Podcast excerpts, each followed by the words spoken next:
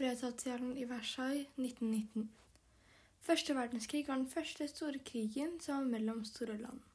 Men første verdenskrig varte ikke for alltid. Den måtte, som alle andre kriger, ha en eller annen slutt.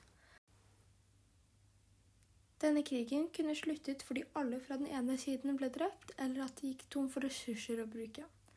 Selv om det var mange muligheter, endte krigen med en fredsavtale, eller en traktat som skulle gi fred mellom landene. Denne avtalen heter Fredsavtalen i Versailles. Det var en våpenhvile den 11. november 1918. Det var da Tyskland ikke så noen mulighet til å fortsette krigen mot den store overmakten, med en utsultet befolkning og flere revolusjoner som hadde brutt ut i deler av landet. Det var da de begynte å kjempe for fred. Fredsavtalen i Versailles, også kjent som Versailles-traktaten, er fredstraktaten som ble slutten mellom de allierte, som da var Storbritannia, Frankrike og Russland, og Tyskland etter første verdenskrig. Den ble skrevet under den 28. juni 1919, og den gjaldt fra 20. januar 1920. USA var ikke enig i denne traktaten, som da gjør at alliansen med Tyskland sluttet i 1921. Som mange avtaler med mange land hadde fredsavtalen også en god del forhandlinger. Forhandlingene startet i januar 1919 og ble da signert 28.6 samme år.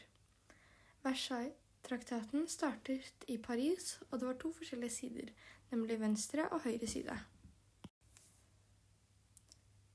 Det, under den tiden eh, Versailles-traktaten ble skrevet under, var det David Lloyd George som representerte Storbritannia, George Clomoncow som representerte Frankrike, og Woodrow Wilson som representerte USA. Tyskland var da ikke invitert, som da betyr at det ikke var noen som representerte landet Tyskland. Tyske områder ble fordelt, og noen av de som fikk en, del, fikk en bit av tidligere tyske områder, var Frankrike, Belgia og Danmark.